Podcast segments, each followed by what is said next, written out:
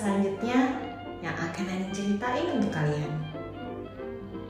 Siapa yang tidak mengenal Jalu, si ayam jago berjambul jingga? Dia adalah pemimpin di kampung ayam. Sifatnya yang adil dan bijaksana membuatnya disegani sekaligus disayangi oleh seluruh warganya.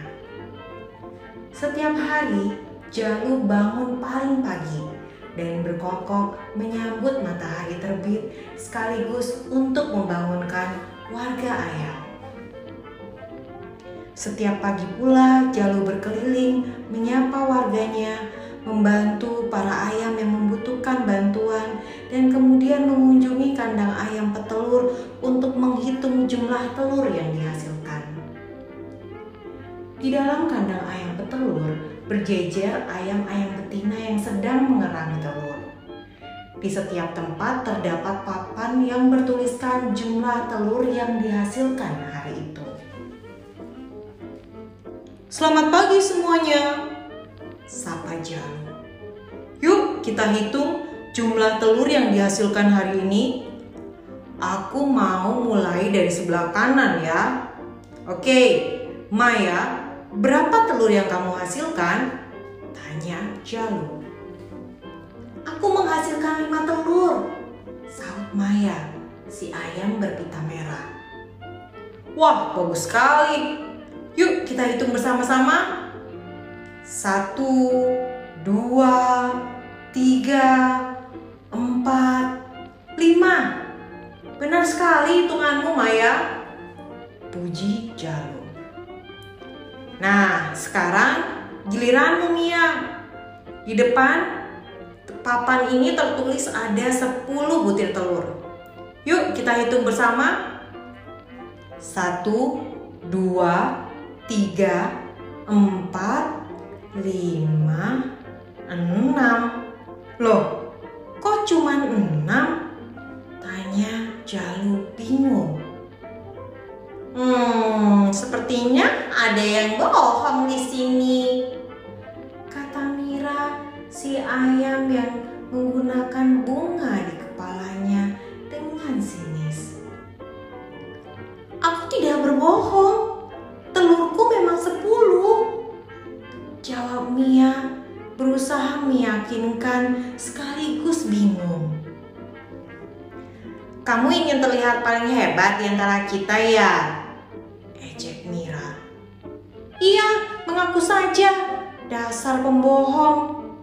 Sahut Mita, sahabat Mira. Suasana di dalam kandang kemudian menjadi gaduh. Sudah, sudah, sudah. Jangan menuduh jika kalian tidak punya bukti. Mari kita cek kembali. Sahut Jalu sambil memerintahkan petugas keamanan berjaga-jaga. Dia pun kembali berjalan dan menghitung ulang telur yang ada. Jalu menemukan kejanggalan pada jumlah telur Mira. Di papan tertulis 6 butir tapi di kandang ada 8 butir. Begitu juga pada Mita. Setiap dihitung telurnya ada tujuh butir. Padahal di papan tertulis lima butir. Hmm, kenapa jumlah telur kalian juga berbeda ya? Tanya Jalu. Sepertinya kami salah tulis. Kata Mira dan Mita gugup. Jalu menjadi curiga. Kemudian dia mengeluarkan kaca pembesar dan berjalan ke sana kemari bak detektif. Sampai akhirnya Jalu berteriak, "Aha!" Kandang itu kembali riuh. Mira dan Mita langsung berpandangan dengan wajah mereka yang pucat. Oke, oke, oke, semua tenang. Mia, kamu maju ke depan dan bawa telur-telurmu. Perintah Jalu. Jalu mengangkat sebutir telur Mia ke atas. Perhatikan kalian semua. Mia memberi tanda huruf M kecil pada telurnya. Sekarang, Periksa kanan dan kiri kalian dan cari telur dengan tanda ini. Perintah Jalu. Para ayam segera melakukan pengecekan. Tiba-tiba terdengar suara,